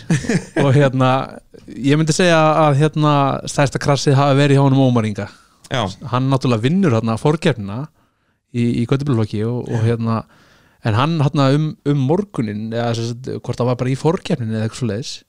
hvort að fyrri ferðin eða eitthvað líka hafi verið mjög góð hjá honum í fórkjörninni og í setni að þá bara straujar hann út af sko já, og hann bara fyrir lengst út í móa sko. það er bara, bíllinn bara í loftköstum bara hvarf já, hann eitthvað ok það er komið eitthvað YouTube-vídeó hann hjá Jakob Já, Sé þannig að auðvitað, Jakob okkar maður að vettvangi okkar maður vettmangi sko, að hérna, það gefur svona einhverju hugmynd um þetta en, en hann náttúrulega hverfur bara í einhvern rík mökk hérna sko, Já. en ég, ég, ég, ég með gott, svona gott útsýni yfir þetta krass og hérna ég bara, mér stóð ekki sama sko, ég held að myndi velta drengum sko, þetta var rosalegt Þetta er svakalegt Og hérna, en þetta slapp alveg En, en hvað fór bílinn illa játna eða? Sko, framstöðunum fóru í náttúrulega drasl og, Já. og eitthvað þannig sko En svona hjólabúnaður og en, en svoleiðis. ég held að svona heilt yfir að bílinn hafi sloppið nokkuð vel sko. Já, það, maður sér þetta alveg ofta á Akureyra Menn það eru að bomba út í skurðu og á trí og allan anskotan hátna og bílarnir sleppa yfirleitt svona alveg svona Já, svona nokkuð þannig séð. sæmilega sko Já, þú veist allavega ekki skilur, þeir eru ekki að Ekki í missa drasli, sko. dekk undan og eitthvað svona Nei, nei, ekki, ekki alveg í steik sko en, Nei. en hérna, Smá útlitskendir, það er bara gaman að þeim já, já, hann, hann náttúrulega kann að mála og, og rétta og eitthvað þannig að hann Bara er nú bing, bara Mm. búm. ekki, ekki lengi að græða þetta sko Nei, strákurinn En talandi um, talandi um hérna fyrst að vorum að nefna hérna með, með bílapunktin og, og Valdimar Já. Jón þá dettum við þetta í hug sko þegar maður kannski að klára þessu umræði Já, um að gera Hann á nú dýrindir strippur Herðu, það er rétt, ég var búin að gleyma því Það er nefnilega eitthvað sem maður gleymir gleymist öllu sko, öllu dótinni sem er í bílskotum með hún og valda, hann á svo mikið að dóti að maður gleymir hvað hann á Já, ég held að hann vita ekki sjálfur sko Já, ég held að við þurfum að heyra í honum Já, við Valdi, þurfum þú ert að hlusta, ég ætla að minna þá að þú átt driftbíl Já, og ég ætla að minna hann á það líka og hérna og eigum við ekki, að- eigum við ekki að skora bara á hann Heyrðu. samveglega við þurfum að fá hann í eina keppna þessu ári Þetta líst mér virkilega vel á Er það Þetta ekki? er bara einn lögadagur, þetta er ekkert vesen eða sunnundagur eða hvað það er Mæta þarna, þú veist Heyrðu, býtu, ég ætla að fara að skoða dagatalið Hvernig skákast þetta á við rallycrossi á stráknum eða eitthvað eða rally eða eitthvað næst Ég Nei, held á ekki, ekki að gera það sko Ég held ekki, sko Nei, á, Næst er AIH eða ekki, endur við á KK eða? Nei, ég held að KK sé næst Það er sko. KK er næst Já, 17. Það júli hendar honum fínt líka, kraftmikill bíl og langar beigjur og svona valdi minn Já. Þú ert að hlusta, mér líður eins og ég sé að tala við henni í síma núna Ég veit að hann er að hlusta Hann er að hlusta í, beinni- í þráðbyrni Það er 100% Já, já, Hérna maður sjá, næsta driftkeppni er 17. 17. júli júli sem að er á, á KK-brautinni Þetta er laugadagur Það er rallycross á sunnudeginum Ekkert stress Er Valdi ekki, inn að er ekki keppa. valdi alltaf í station helgum Já, eitthvað hérna? nákvæmlega, hann er, þetta er ekkert stress bara strákurinn lifur stráknum að, að skipta um bremsuklossana í bílnum fyrir þá keppni og færðir smá frí og undirbýrðu eina tögandabýrið. Já, ég held að þetta sé bara, bara sleið Þetta er slegið, Valdur minn, þú færð ekkert um þetta að segja þú ert að fara að mæta hann að 17. júli, við sjáumst þá Það held ég, afstæð Já, Þá erum við búin að ákveða það já, flott Þá ætlum við að fara okkur yfir í opnaflokkin í annar umferð Íslandsmestarmótsins í drifti sem framfór á bíladögum. Eh, Það við þurfum að byrja á tveimur svona aukaferðum til þess að geta sett þetta almennilega í brakkitin. Við þurftum tvær ferði til að koma þeim í, í átta bíla á Íslit. Já, Uh, í forkeppninu var það Ármann sem að uh, náði besta árangri. já, já Uh, mjög flott hjá honum næst lagastur og þriðji lagastur í, uh, í fórkeppninu voru Arnar Gauti á, á Subarunum sem við vorum að tala um hérna aðan Já. þeir semst voru saman, saman á, á bílnum og uh, Árni Freyr var níundi besti, hann semst Arnar Gauti var áttundi og Árni Freyr uh, níundi já. og þarna var Arnar Gauti sem að uh, ég vann Árna já, þetta hérna Hvað var að frétta af þessum Subaru í þessari fórkeppni? Af hverju var hann svona lélugur? Já, Var sko, bara, voru þeir að ná hita í bílinn? ég, ég veit ekki hvað það er sko, en, en, en hérna, svona miða við forgefnina þá hefði maður nú haldið svona, já ok þeim greinlega gengur ekki vel í dag, eitthvað svona en, en hérna, en aldeilis snerum við blaðinu Mhm. Mættu og, þeir til leiks Já, við erum þeirra þeirra eitthvað, eitthvað vaknað hérna í Þetta útlíkefni eru svona, svona g- grallarar sko, sem að fíla að vera að keppa á kvöldin Já, já, Það gengur ekkert að vera vakna alls nefnum á sko, morgnana ég og get alveg að setja það að Arna Gauti er engin amanniski Já, svona. Ég staðfesti það á skjálfest það er, það er nokkuð, nokkuð örugt, Þið sko. heyrðu það fyrst hér gott fólk En hérna já, þannig að þetta er um að gera fyrir hann að svona keppnisfyrirkomulega að vera að keppa bara langt fyrir eftir kvöldi frekar en að vera að mæta hann að klóðan átt á morgnana Já, Það er bersinlegt með, við, með við þennan árangur Eh, Þannig að Átni Freyr var hann að frá að hverfa strax á, á sínum fagurauða BMF Já, sýnir rauninni enn og aftur hvað, hvað styrkurinn er mikill hann í opnumloknum því, að- því að átni er alveg, alveg, alveg hörkukerari og, og hérna og það, það hefði ekkert verið gott að að spá fyrir um þetta fyrirfram, sko, hvernig þetta hefði farið en, en Algjörlega Og þó að þetta sé eins og ég segi Fyrsta ferð Þeir eru rauninni ránd Eitt eða hvernig sem var það Teknilega svona 16 bílúslit En það væri það margir Þetta er rauninni já, til, til að komast í 8 bílúslit til að komast, kera sér inn í átt, áttamann úrslitin, sko Já og, og svo var þurft að fara aðra svo leiðsverð, það var Sigurbergur sem var slakastur í, í fórkeppninni hann kefti við Þórir Már sem var með sjönda besta árangurinn þar já, og þarna var að Sigurbergur, hvað var þetta bara ekkert að smetla við honum, hann tapaði þarna fyrir Þóri og eftir að hafa verið slakastur í fórkeppninni já, það var í rauninni þannig að hann keirði ekki þessa ferð já, Eh, það er svo leiðs já, það er runni sem sagt uh,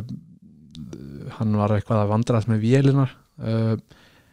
hvort það voru eitthvað komikist stimpilringinir eða eitthvað sem hann vantaði eða eitthvað líka Mm. og, og hérna, þannig að hann þurfti að setja gömlu í aftur og, og hann var að geta helvítið vel á olíu þannig að mótorinn, hann, hann sendi hann einhver indjána merki frá sér sko já,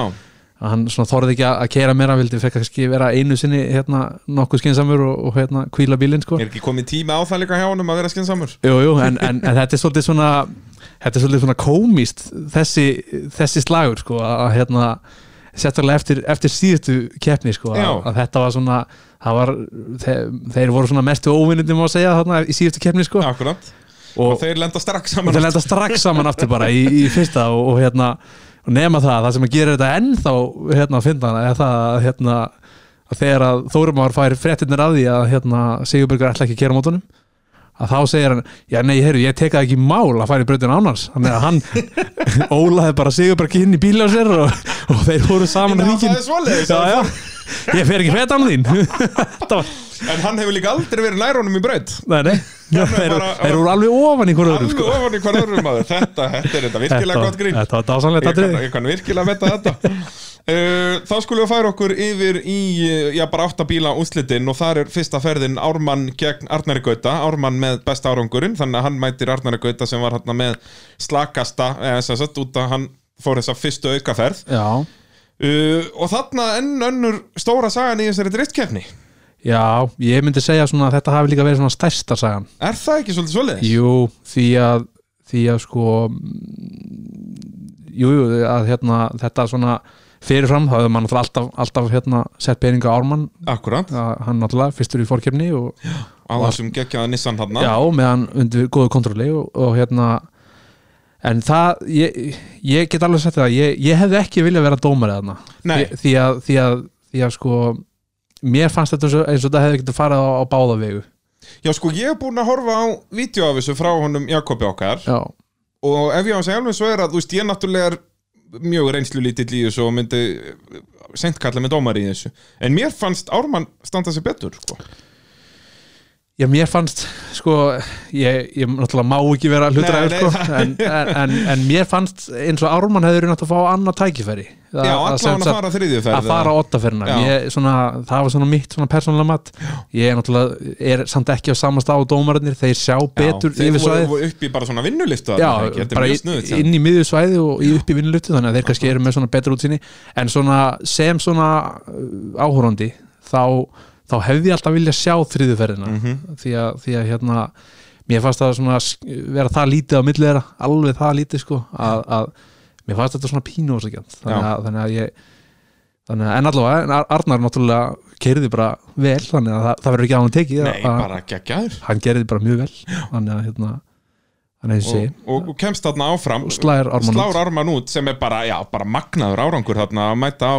þessum nýsmiða Subaru sem er svo sem ekkert mikið eftir af Subaru í honum þá en hann lítur út eins og Subaru já, já, það er svona allavega, er allavega bótið já, já, já, svo voru, erum við komin í svona, svona sjentilmanna hérna, batlið hérna það hefur bara kullfallegur silfurlitaður BMW og, og hugulegur Benz já, já hann eru konur bara einhverju svona Þetta eru bara einhverju svona þýskir eh, businessmenn að mæta Já. þarna að keppa já, einhverju, einhverju tannlæknar Já, einhver- þetta eru sérst Valgir Hugi og Aron Gísla já, já, uh, og þeir voru þarna bara í fjórða og fymta seti undarkefni þannig að þetta var bara bara að kasta tenning hver myndi vinna já, já, hörkuslagur og, Já. og Aron hérna að mæta núna á þessum bíl í, í fyrsta skiti eftir að hann hérna setur eitthvað beigju í hann og alveg eitthvað svona dásamlega bjánalegt að horfa á hennan Benz já, þetta er svona, þetta er sem svona er á góðan hátt, sko, Já, ekki já. miskila mig En þetta Algjörlega, er alveg bara hérna. út af framtekin eru svona, það er eins og einhver krakki hafi verið að pú- púsla þessu sem Lego bíl og náði ekki ít að dekkunum alveg á já, alveg, axlana. alveg upp á sko Já. þetta er svolítið svolítið sko Þetta er þannig stemming en, ég- og líka út að þetta er bara svo snirtilegur nýlegur Benz að maður átt að maður, ge- þetta- hann meikar ekkert sens að vera með hann hann í drifti sko. Nei, nei, þetta er svona, ég segi, þetta er svona með flottari bílunum í Já, hann er driftinu og geggjaður, sko. mjög flottur og, og komið með eitthvað spoiler hann aftan og Já, eitthvað svona, já, gera þetta bara- svona aðeins skælera, sko. þetta er bara, en samt lítur hann ennþá út bara eins og hann sé tannlagnir sko Já, já, En svona fyrir utan að, já, þú þarft nú ekkert að vera mjög mikill sérfræðingur til að segja, heyrðu, nei, þannig er eitthvað Nei. eðugitt og þannig er, er ekki vaska sem komin aftur í og jú, eitthvað, jú, þetta er og alveg svona svörtustu filmum sem þú finnur kannski bara málarúður, ég veit það Já, ekki, sko, og en náttúrulega engin aftur úr það og svona, þetta Nei, er nei. bara, þetta er geggjað apparat, það, sko það kemur upp um talaninn, sko. Já, já En það var Valgeir sem að hafði betur á, á BMW-finum Já, það er náttúrulega valgir náttúrulega sigrar þarna fyrstu keppnina og, Já. og, og er alveg eld heitur til það Heldur og er betur. þarna náttúrulega heimaðalli og fara á Akureyri og, og hérna hefur kert þessa braut svona nokkuð oft sko. Heldur betur þannig að, þannig að þarna, þarna var, var hérna reynslan á, á svæðinu að skila sér Aron alveg bara mjög, mjög öflugur aukumæður og, og hérna og þetta hefur henni geta, geta farið henni hvernig sem var sko en, en, en, en valgir náttúrulega sjóðheitur Algjörlega, algjörlega og, og uh, vinnur þessa Já, orustu milli þeirra, þannig að hann mætir Arnari Gauta þarna í undanúslutum síðan í áttabílúslutum er það Ragnar Már og Þórir Már sem að uh, voru að berjast BMWar 2 annars vegar gul og hins vegar fjólublár og einn er ekki, er ekki Ragnar, hann er á, á tveggjadýra eða ekki, þetta er, alltaf, þetta er svona hugkulegur bátur hérna hjá honum Þóri alltaf finnst mér. uh, Þeir eru báði fjardira Þeir eru báði færadýra, nú já, já, já. Þá, já. er ég bara ekki, þá veit ég ekki neitt. Eh, Nei, nei, bara, höfum það bara þannig Við höfum það bara þannig. Nei, nei, þeir eru báðir fjardera og hérna báðir Vafata og báðir Turbo og, Já, þetta er mjög eru- svipaði bílar Já, svona til að gera sko að hérna eh, og hvort að, hvort að hérna, Þórumál var ekki með svona beigjukitt úr svona bíl eins og Ragnar á með minni það sko Já, ok. þannig að þetta eru, Þetta er bara basically saman bíl já svona basically nema bílina Þóri aðeins breyðar og lengri það, Já, það er svona svolítið svolítið sko en, en, en báðir alveg, alveg mjög flinkir aukumenn og, og hérna Ragnar hefur nú alveg sínt að genum tíðina að hann getur allir skeirt og hefur nú unni keppnir og, Já, já. og fleira sko þannig að- algjörlega Og hann var þarna í öðru seti í forkeppninni en Þórir var sjöundi þannig að það var svona mismats hvað það var þar Já. og næst besti á móti næst slagasta uh, og s- þarna bara ætti betting menn að vera búin að læra það að veðja á þann sem ætti ekki að vinna Akkurat Þetta, og, þetta var bara svolítið þannig keppni já, já, það hefði skilað sér þarna Heldur betur því það er Þóri Már sem að uh, komst áfram Já, já, bara Þórir keirir hérna, hérna betur en, en Raki og, og hérna uppskerir eins og hann sáir Akkurat og Þóri náttúrulega búin að keppa á þessum bíl núna í alveg þó nokkuð mörg ár og er Já. duglegur að keppa líka og hann er búin að vera allavega fimm ára á Er það bíl ekki? All, Það- svona 2016 er Já, það ekki? eitthvað svoleiði sko svona 15-16 held Og ég er ekki búin að nefnilega taka eitthvað svona stóra pásur Hann er alltaf aðna sko. Já, eh, bara mjög duglegur að mæta og, og keppa og ég dáist að honum að hérna, að hérna svona þrautsegan að að keira eiginlega alltaf sko það er Algjörlega, bara, hann, hann var bara stórt tróskili fyrir það og, og alltaf gaman að fá hann í keppni og, og hérna, hann er svona, svona skröldlega keppandi og, Já, já. og, og gaman að honum já. þannig að hérna og bara já, eins og þú segir, akkurat þetta Það er virkilega gaman af honum í keppni uh, Fjórða, já, orustan í þessari Í þessum áttabíla úslitum Jón Þór Íslands, Ríkjandi Íslandsmeistari í þessum flokki Á móti Aronni Stein já, og uh, já, svaka matchup hana, Jón Þór var þriði í fórkefni Aron sjötti uh, en Jón Þór gerði bara mistök já Jón Þór klúrar þarna á mótunum þetta er svona já, sjálft síðar en- enn eitt dæmi um þetta atriði sko, að þetta eru menn að gera mistök sem gera vennilega ekki mistök Já. og ef að mistökin eru gerða þá eru þau svona í, minni, í svona minna vægi sko, en, en þarna gerir hann stór mistök að hann, hann snýr hann í hringdorginu bara alveg og Aron svona, sem betur fyrir var ekki alveg aftan í honum þannig að hann fer ekki inn í hliðin á honum Nei, einmitt, einmitt. þetta hafði mitt getið endað þannig já, já, og, og hérna og það er bara eins og sé, bara svona svolítið sjokka að sjá hans núa, því að, Já. því að þetta er svona ekki ekki venjan, nei, nei, og þá var náttúrulega eftirleikur nöðvildur fyrir Aron bara halda bílum á brautinni og ekki vanda málið já, og alls ekki alls ekki hérna taka það af árunni að að það bara, að hann gerði vel algjörlega, keiriði algjörlega. bara flott og, og hérna vann sérinn fyrir þessu Já, og kemst því undanúslit gegn Þóri Má en já, þá kom bara ennþá meira af mistökum frá þeim báðum þarna í undanúslitunum já, þetta var bara svakalegt hvað enduðu þeir að fara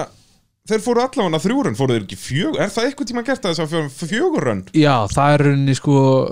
stundum eru farin fjörun eh, mjög sjaldan, en það er með þetta þegar að ottaferðin er bara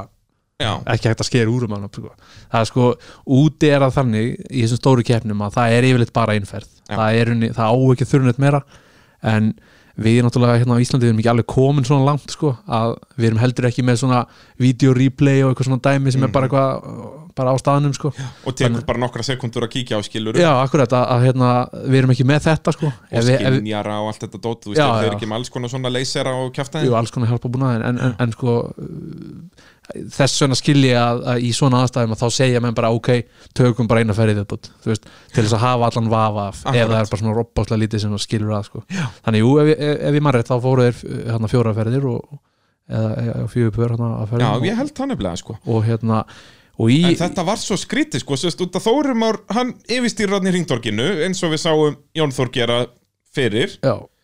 Svo í setni ferðinni þegar Aron þurfti þá basically bara að klára út af því að, að Þóri var gerði mistök, að þá fer Aron út í mölina og sérst dettur þá út, þannig að þá þurfti þeir að fara þriðu ferðina. Var það Já. ekki þannig? Mér minni það, ég var að skoða ykkur vídeo af þessu frá okkar manni Jakobi. jú, sko svona eins og ég, ég sá þetta að, að þá rauninni fer þóri minn með frekar vítt sko sem sagt, uh, á leiðinu tilbaka Já. þarna inn á, hvort, já, er inn á bílaplanið eins og það er orðið í dag Akkurat. og hérna hann fer svona frekar víða lína að ofan í þannig að Aron bara eldir fulla ferð á eftir og, og hérna og þeir fara báðir út af sko já. og nema það að sem sagt uh, það er svona töl- tölvöld grítan í kantinum sko Já, já. að að Þóri alveg spýti grjótinu þarna Jöp. út um allt sko og Það var það bara munar, orðið að malarbraut þarna bara. ég hef ekki nóg með það heldur að ég fekk bara einn nullunga hérna, bara starfið epli bara nánast í hausina mér Já, sko. frábært. og ég var sko 10-15 metrum frá brautinni sko þannig að Þetta er bara eins og með þetta torfæru kefna þarna. já, ég og- og Kjartan Tryggva hann sem var reyndinnum og við, við stóðum hann og fengum hann hann bara, við, það voru svona kannski 2 metrar á mill okkar en, Já, en já. hann kom bara akkurat bara í haushæð bara á mill okkar sko Steinninn. Samlegt. þannig að ég segja að það hann smallaðist hann framrúðunni og Arnursteinni og, Já, ok. og bara í, í druslur og, og hérna Þetta er bara ein- eins og ykkur rallycross kefna þarna. Já, þetta er svona eins og ég segi ég, ég, ég, hérna, mér langar að, að, hérna, að benda að bíðamönnum að það mætti kannski aðeins hérna, hyrðu upp stóra gröti þannig í Já, í köntunum, reyna að hafa þetta bara sandarna í rauninni Já, Það er eða, ekki eða svona- öryggismölu eða, eða eitthvað svona allavega, allavega eitthvað annan stórgrýtt, en, all, já. já. ekki stórgrýtt sko. Já, já. Það, það, það getur valdið skada sko. og spítið svona í allar áttir sko. Algjörlega En það var þess að Darun Steit sem að, að lokum vann þessa rimmu og er því komin í úslitin Þóru Már var að setja sig við það að fara að berjast um uh, bronsið Já, uh, Svo í hinni rimmunni í undanúslitum Arnar Gauti og Valgeir og Arnar Gauti held bara áfram að vinna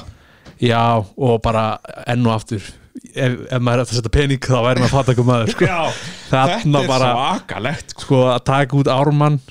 Arna, Átnafrey og, og svo Valgeir já. þetta bara Þú finnur ekki, ekki erfiðari leið til að komast í úslit Nei, ég, sko, ég veit ekki hvaða samlingu djöfulin þessir hérna, ADHD-félagar hafa, hafa gert sko, en, en, en, en, en hann allavega skilaði sér en, Já. en ég veit ekki hvað þeir þurfa að gefa tilbaka hins vegar, það er spurning að fara að skila sálinni til helvíti Nei, maður segir svona En hérna, góð spurning. En, þú veist, út að ef maður horfir á leiðina sem Arnar fer í úslit að, þú veist, ef þú ættir að velja þér erfiðust anstæðingarna þá basically er það leiðin sem hann fór Já, bara allir þessi þrýr sem hann, sem hann mætir Já, þetta bara, jú, jú, þú veist uh, það er alveg hægt að segja eitthvað aðra já, en, en, en bara, já, ég held að sé bara, þetta sé bara toppurinn sem hann fer í gegnum og, og, hérna, Algjörlega. og það er bara þannig að hann bara keiri sig inn í þessi úslit, það er bara ekkert flóknar en það Þetta er bara algjörlega stór magna þannig að þá eru komið með úrslitin á hreinu Arnar Gauti, keppir við Aron Stein og þá helt fyrir teilið bara áfram Já, hann, hann, hann hætti ekki þarna Hann hætti ekki þarna, honum langaði í gullið Já, ég, ég, þarna var ég fann að segja sjálfum mig, nei, anskotin þetta, þetta getur ekki verið maður. Þetta er náttúrulega magna Þessi bíl er að mæti fyrsta skipti í keppni eða ekki? Nei, nei, nei, nei, Nei, ok, hann var í En er hann í fyrsta skipti í þessu formi eða? nei, Nei, hann mætti en, eitthvað í fyrra eða sko, ekki, eða hitt í hann er fyrra. búin að breyta aðeins hjólabúnanum held ég sinni í fyrra Mér mér minnir að hann hafi eitthvað verið að skrúi í þessu Já, hann, Þó ég veit hann lítið um það já, hann, hann, hann var að breyta einhverju, einhverjum, En þetta er sama kram og hann var með í fyrra Já, Hann er já. ekki, sem sagt ég held að hjólabúnaður hafi verið eitthvað, eitthvað velu farið sko, Já. núna, en, en hérna en eins og ég segi, sama kram og, og hérna, og ekkert mikið held ég búið að eiga við það Nei, nei, bara if it works don't fuck with it eins og maður segir Já, já, en, en við veitum, veitum hvernig þetta endar það verður ekki, ekki orginal lengi sko. Nei, inni það þarf að fara að skrúa þetta allt í bak og fyrir maður Já, já, uh, Svo í, náði Valgir bronsinu í slagnum við Þórum á já, Þannig að þetta var þarna Arna Gauti fyrstur, Aron Steinn Arnar og Valgeir þriðji í þessum opna flokki á bíladugum og, og já, árangurinn hjá þeim Arnari og uh, Alla á þessum Subaru já þetta, þetta er svolítið svona, svona Þetta er bara- hvað ég að segja, sem stendur upp úr, úr þessari keppni Já, er það ekki? Þetta Jú. er bara alveg stór magna þetta er bara, þetta er alveg ótrúlegt og þeir eru báðir hann að neðarlega í fórkefni og, Já, já, bara og nánast neðstir og, byrjuðu illa Og og sumir unnu sér svo nettir. bara upp bara Það er bara svo leiðis já, bara, þetta, er- þetta, er- þetta er næstu því apmagnað og allir afslættinir sem þú getur fengið því að Wallis Hvernig Já. fannst þér þetta? Seamless plug hjá mér þetta var reynda rosalegt Þetta var rosalegt sko, þá hvet ég alla til að sækja um Wallis lykilinn komast í vinahópin, við þurfum, að vera, við þurfum allir að vera vinir hérna og, og svo er líka eðal sumarkviss í gangi hjá Wallis og vera glæsilega vinningar veittir þar í, í lok sumar, þannig um að gera að kynna sér, þar inn á, kynna sér það inn á wallis.is og náttúrulega sérstaklega núna þegar verið er að fara í ferðalög yfir sumarið að, að þá hendar vel að Ólís er út um allt land og vel rúmlega það myndum maður halda þannig um að gera kíkin á vinahómpur.ólís.is og sækja um Ólís likilinn uh, fer þetta þá ekki að verða bara nokkuð gott hjá okkur strákonum? jú, þetta er svona bara, held ég, við búin að ná að fara yfir alla keppni held ég bara, Já, eins og maður alla leggur sig. flokka og þetta voru hann einhverju 35 bílar og Við já, já, erum búin fjórir að- út af og, fjórir út af, allir út í skurð og allir laurandi lettir, ég bara er farin að sjá hrikal eftir að hafa ekki verið á stanum já, þetta er svona, Eins og þeir þetta alltaf- er mjög, þetta var mjög áhugaverð keppni Já, ég get Að- trúað því, já. fyrir, fyrir marga sakir hérna, þetta er alveg að sama og gerist fyrir mig þegar vorum að tala um fyrstu keppnina sko. ég, allan þáttinn var ég bara oh, af hverju þurfti ég að vera að lýsa einhverju formúlu og vera vesanast eins og einhver fávit já, formúlan Já, Já, það er ekkert með Íslandsmóti í drifti sem Nei, þetta er. Það nákvæmlega, er- halló sem, sko. sem betur fer eru sko nægi einhverjum helgum held ég af, af íslensku drifti, annars er þetta allt í kólvitlusum hlutvöllum, sko, það eru fjórar íslenska driftkeppnir en svona 24 formúlukeppnir þetta ætti að vera öfugt Já, já, þetta verður auðvitað, sko, en alveg það þarf bara að endur sko þetta eitthvað fyrir næsta sísón Já, ég vil ekki vinda til En uh, næsta keppni fer fram uh, 17. júli Já, á Karpinbrutinni, Kvartmjölubrautinni. Valdemar Jón Sveinsson ætlar að mæta þar. hann mæti það, Við- grjót- grjótarður Við erum búin að staðfesta það við tinni hérna, þannig að hann far engum þar áður. Já, já, hann bara byrjar að skrúa- skrúa núna Já, þarf eitthvað, fer þetta ekki í gangi eða Jú, fer þetta eitthvað bilað? ætli það ekki. eða? Nei, nei, það held ég Það, ég trúi því ekki. ekki Nei. Þannig að þetta verður eintóm hamingja og líka þriðja brautin í þreymur keppnum. Það er geggjað að- að íslenska driftið er bara komið á þann stað. Já, þetta er bara flott og, og, og mikill uppgangur í þessu og, og hérna og það er eins og segja að það eru margir margir bílar ennþá í smíðum og, og hérna, og mikill áhugi bara víðum land þannig að, þannig að þetta er bara allt í, í hérna. blómsturina Ég held það að framtíðin er virkilega björt í íslensku drifti. Já, og, og ég ætla nú að svona nýta tækifærið fyrst maður er hérna, að, hérna líka endilega hvetja svona, eins og svona unga áhuga, áhuga sama sem að, sem að hafa kannski ekki tök á því að, að að keppa eða, eða svo leiðis að, að um að gera að hérna, bjóða sér fram í svona keppnisald Já. og, og hérna og prófa að vera að sinna alls konar stöðum og svona, þetta, er- þetta er mjög gaman og, og gaman að upplega eitthvað Já, nýtt og, þetta er það sem maður kallar vinn-vinn-vinn því Já. að keppnisaldan, það er vesen fyrir keppnisaldar að vera með nógu mikið af starffólki eins og við komum stað bara í hver einustu keppni líku við Já, og ef þú ert nýri í þessu að þá ert að komast að inn, innsta ring þú ert að tala við keppnisaldara og keppendur og allt saman þannig að þú, þú veist, getur verið eins og svampur þarna að spyrja endalessa spurninga já, já, og svo náttúrulega ertu á besta stað sem áhörfandi Já, já, þú ert þú- alveg við brautina þú færði vilt ekki betri, betri staði í bröndinni heldur en akkurat þeir sem er að starfa við, Nákvæmlega, sko. við keppnir þannig að og þú veist endilega líka ef þið eru skiluru ef þetta er vina hópur þú veist dragið félagaðin með þér þannig að þú standir ekki einn út í rigningun allan daginn skilur og þá ertu allan með eitthvað félagaðin að bladra við eða hvernig sem það er Já, skilur um að gera, taka vinnuna með sér og, Ég og, segi hérna, það, ef og þið njóta hafið þér saman og, og, og jafnvel einmitt hérna sinna einhverju góðu hlutverki, það er nú ekki, eh, ekki leðilegt hvernig, uh, ef ég myndi núna hafa áhuga á þessu hvernig væri best fyrir mig að- að að bjóða mig fram í svona lað bara Það er eitthvað bara- Facebook og eitthvað Já, það er henni bara, s- bara eins og eins og til dæmis Facebook, það er, það er mjög hendut í þetta að núna eiga allir klúbarnir sitt, sína eigin Facebook síður og, Já, og þá er best að senda bara skilabóð á, á þann klúb bara á, sem á að Facebook klub, eða sérst bara á klubbin á Facebook Já, og senda bara skilabóð á hann á þe- þar sem hefur verið að keppa og, og hérna og bjóða fram krafta sína og, og, og, og eins og ég, bara prófa þetta Þetta er eina vitið eh, Kristinn Snær Sigurjónsson þakka þér kærlega fyrir spjallið Takk sem leir Uh, þetta var að sjálfsögðu allt saman í bóði AB Varahluta, Bílapunnsins, Bíljöfurs, Tækjaflutninga, Norðurlands og Ólís. Ég heiti Bragi Þórðarsson og hveðað sinni. Þangu til næst. Bless, bless.